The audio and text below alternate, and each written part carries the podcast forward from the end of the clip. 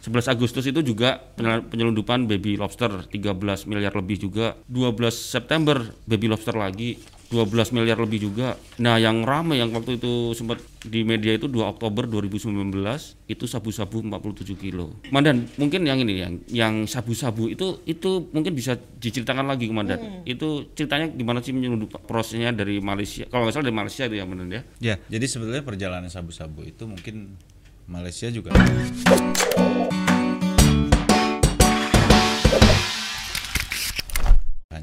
transit ya. Malaysia Hanya transit. tempat transit, nggak tahu mungkin dari atasnya lagi di mana lah ya itu.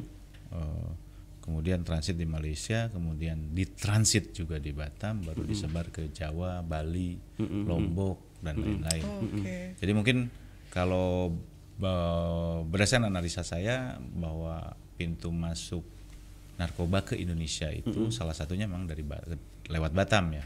Dari dari mulai dari utara sebetulnya dari Sabang, dari Lok Sumawe, Belawan, kemudian Balai Asahan, Dume itu juga sama daerah-daerah rawan untuk eh, memasuk eh, masuknya barang, ini. karena barang ini memang dari Malaysia. Kemudian kalau di wilayah timur mungkin di perbatasan di Tarakan itu Nunukan Sebatik dan karena berbatasan dengan Tawau itu juga menjadi pintu masuknya. Setelah itu baru ke bawah ke Sulawesi ke mana ke mana seluruh Indonesia lah istilahnya. Jadi memang tapi berdasarkan eh, apa namanya eh, yang terjadi tahun 2019 itu mungkin bisa dikatakan yang paling banyak memang melalui wilayah Sumatera ini gitu loh. dari ujung Selat Malaka itu sampai dengan di Batam ini. Saya kenapa harus di sini gitu loh. Nah iya. Padahal di sini kan udah ada lanal, ada apa-apa. kok. Berani-berani yang mereka tuh Berani-beraninya, nekat iya. mau nerobos 47 Komandan. kilo lagi. Nah, itu eh sebetulnya kalau begitu ada keuntungan besar di situ. Siapa pun berani akhirnya gitu loh. Nekat ya, nekat. Kalau ngomong untungnya besar. Kalau oh. sudah untungnya besar. Mm, mm, mm. Mungkin saya tambahkan juga sebetulnya em, 47 kilo itu bukan bukan yang terakhir juga karena ada beberapa yang eh, mulai dari yang sekitar 2 kiloan juga saya dapat tanggal 14 Mm, iya iya sering. Oktober, kemudian Juli 2020 juga saya Yang dapat ya. yang sekitar 500 gram. Kemudian yang baru lama kemarin juga sebenarnya kolaborasi kita dengan sinergitas kita dengan tim F1 QR ya. Jadi kita punya uh, Fleet One uh, Quick Response. Itu ada kita punya, Lantamal punya. Kemarin tuh kita sama-sama apa namanya? uh, melakukan operasi dan dapat sekitar 38,8 kilogram lah. Hmm. Oh, di press release juga cuma press release-nya memang tidak di Lanal Batam karena ini gabungan press release-nya di Lantamal di Tanjung Pinang gitu. Jadi yang terakhir sebetulnya yang itu. Hmm, itu yang update Kalau terakhir. dulu dulu dulu zaman viral-viralnya baby lobster memang oh, beberapa kali kita nangkap baby lobster. Tercatat mungkin hari pertama saya menjabat itu juga eh, dapat waktu itu sekitar 44 box atau 264 ribu ekor ya. mm, mm, mm. itu sekitar 37 miliar sekian kalau dinilai harga pada saat itu ini dari dari orang KKP ya. Kemudian tanggal 19 Maret pun juga saya masih dapat lagi 36 box itu lebih banyak isinya sekitar 304 ribu ekor dan kurang lebih 46 miliar yang tadi disampaikan itu. Kemudian ada penyelundupan-penyelundupan lain lah yang mungkin tidak viral ya karena memang bukan ini seperti burung dan lain-lain juga saya sering dapat. Karena dari dari Malaysia tuh banyak, Banyak sekali juga. ya, banyak Iya, sekali. iya, iya, iya. Kemudian narkoba, kemudian baby lobster juga yang terakhir tuh Oktober 2019 lah saya dapat eh, juga penyel- pe- menggagalkan penyelundupan narkoba. Mm, mm, mm, mm. Jadi ada beberapa kali lah ya, mulai narkoba, kemudian baby lobster gitu loh. Kalau untuk penyelundupan. Memang paling banyak narkoba ya komandan ya? Paling banyak ya? Atau kalau di perairan Batam ini? Jadi kita sulit ya sebetulnya membongkar cerita apa penyelundupan narkoba ini karena memang begitu rapihnya gitu. loh. Sampai kadang-kadang saya berpikir ini eh, kita data kita yang akurat atau mereka yang apes gitu ya. ya. Tapi memang eh, kenyataannya kalau eh, ada istilah maling lebih pinter ya daripada daripada yang ronda gitu. Hmm. Kenapa? Karena kita kan nggak mungkin nunggu terus berhari-hari. Kita nunggu artinya standby. Kalau Iya, iya, mereka iya. kan ngintip oh, masih ada nggak Iya, jadi. iya. Ya istilahnya kan gitu Iya, ya. betul. Mereka masih Mereka, bisa tinggal tinggal, tinggal eh, tidur. eh, ya. tinggal tidur dulu, begitu ngintip lagi, oh masih, ada. Ya, kalau kita kan tidur nggak bisa tidur. Nah kalau yang penjaganya kan nggak bisa tidur. Gitu. Makanya di sini diperlukan eh, informasi yang akurat. Hmm, hmm, hmm. Ya, tim kita samalah semua sinergi sebetulnya. Hmm, hmm. Tim kita, tim dari pol- kepolisian dan lain-lain juga eh, sama-sama bersinergi untuk memerangi ini. Kan kita ini sudah jadi oh, apa namanya eh, perintah nasional bahwa narkoba harus kita berantas kan gitu. ya. Hmm, hmm, hmm, hmm. Dan rata-rata mereka menyel- menyelundupi speedboat ya, komandan. Menggunakan speedboat. Iya. Ya jelas lah karena ya itu tadi saya bilang perbatasan kita dengan negara tetangga ini juga dekat ya.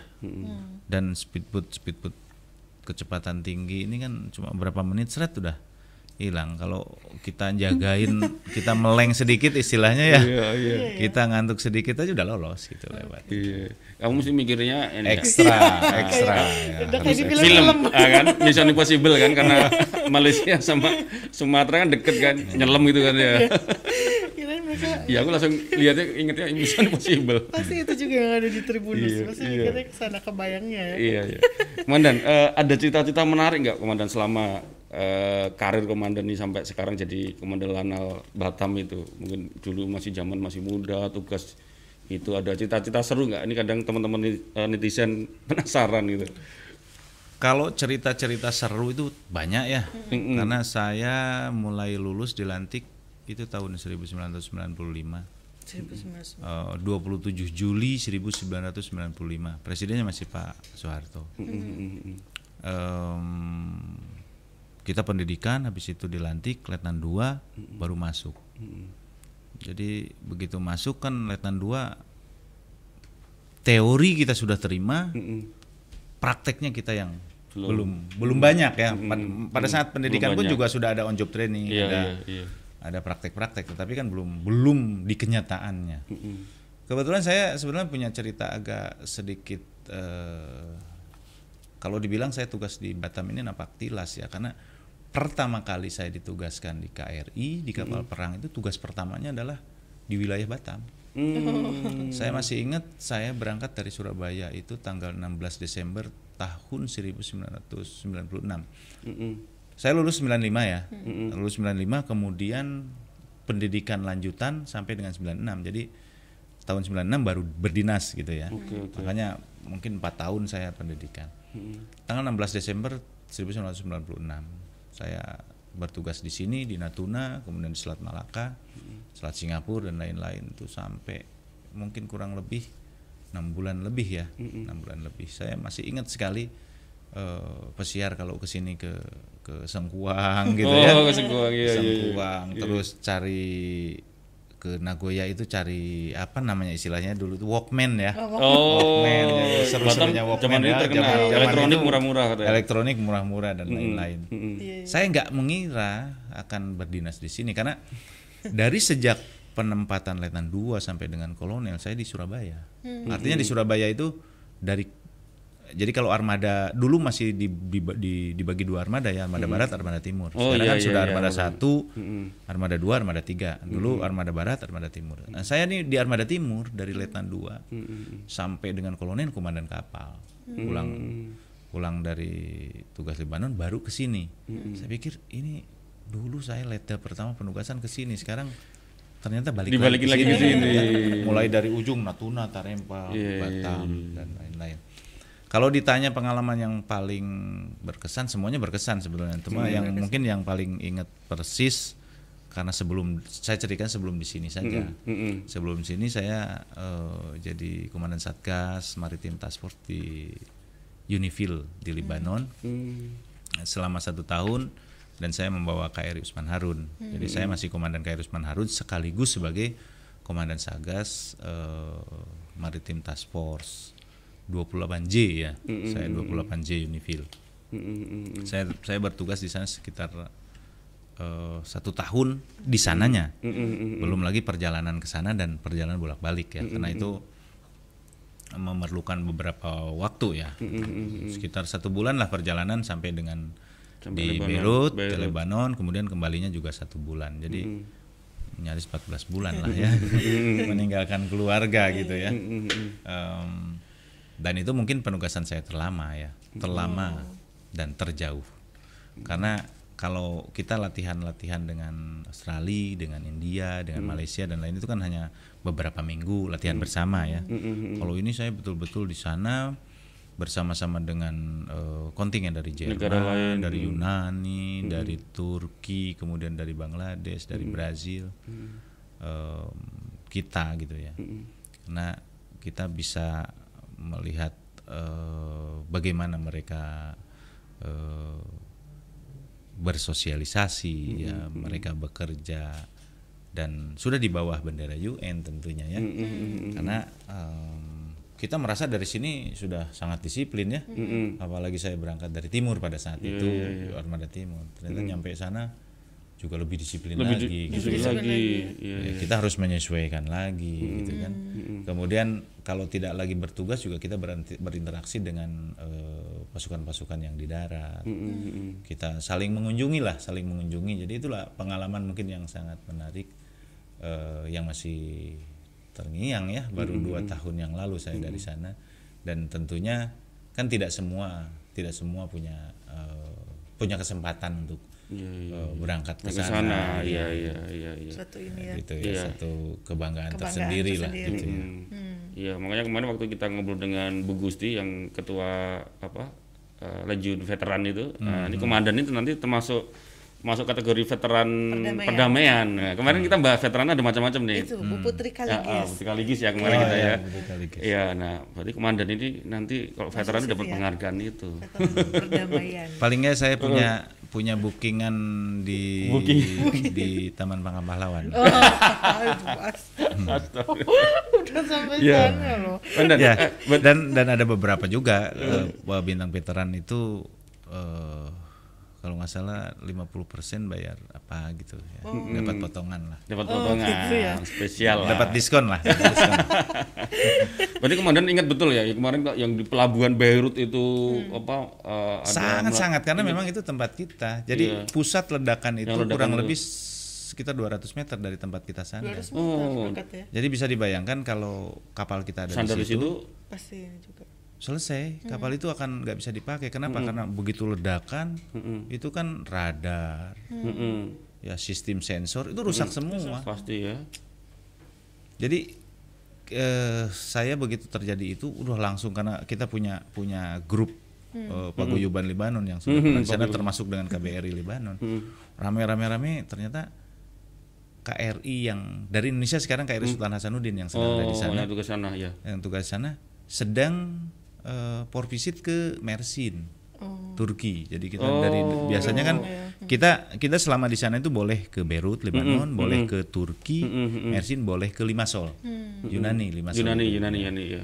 jadi kita lihat aja kalau lagi seru di Turki ya kita sandarnya Turki aja kalau lagi seru di Limassol ke Limassol gitu. Iya, iya, iya. Tapi lo yang paling sering ya di Libanon karena dekat ya, Iya, dekat iya. dari dari area operasi maritimnya dekat gitu. Mm-mm. Jadi yang setahu saya yang lagi ada di sana itulah kapal perangnya dari Bangladesh kemarin. Iya, yang Makanya ada Bangladesh, ada beberapa yang luka-luka dan kapalnya pun juga rusak. Mm-mm. Bisa dibayangkan ledakan dengan radius 4 km 4 kilo. masih berdampak sementara itu hanya 200 meter. Pelabuhan yang Gitu. biasa bersandar untuk KRI atau kapal Dan perang ada cerita yang sangat menyedihkan buat kita yang pernah di sana sama-sama. Mm-mm. Eh, di dalam pelabuhan itu adalah kantin namanya Usman ya. Dia jual eh, seperti apa namanya pizza. Mm-mm. Dia jual pizza di di dalam pelabuhan itu warung lah kantin ya. Jual pizza, kemudian jual minum kopi dan lain-lain, kemudian jual air mineral dan lain-lain. Kebetulan pas ada di situ ledakan gitu. Jadi kita bersedih bersama. Iya, ingat berduka. ya, oh orang itu. Karena sudah saking akrabnya kita sama dia, dia tuh sudah bisa bahasa Indonesia. ya. Oh, saya bisa bahasa Karena Indonesia. saya saja sudah pas apa sa- satgas yang ke-10 gitu loh. Dan Oh. dari turun temurun itu di tempatnya dia tuh memang paling enak kalau kita nongkrong nggak mau jauh-jauh keluar masih di dalam pelabuhan. gitu. Oh. Iya, iya. Jadi korbannya. Ya, salah satunya. Waduh. Sedih. itu tempat nongkrongnya apa pasukan Indonesia kali ya, sering gitu ya.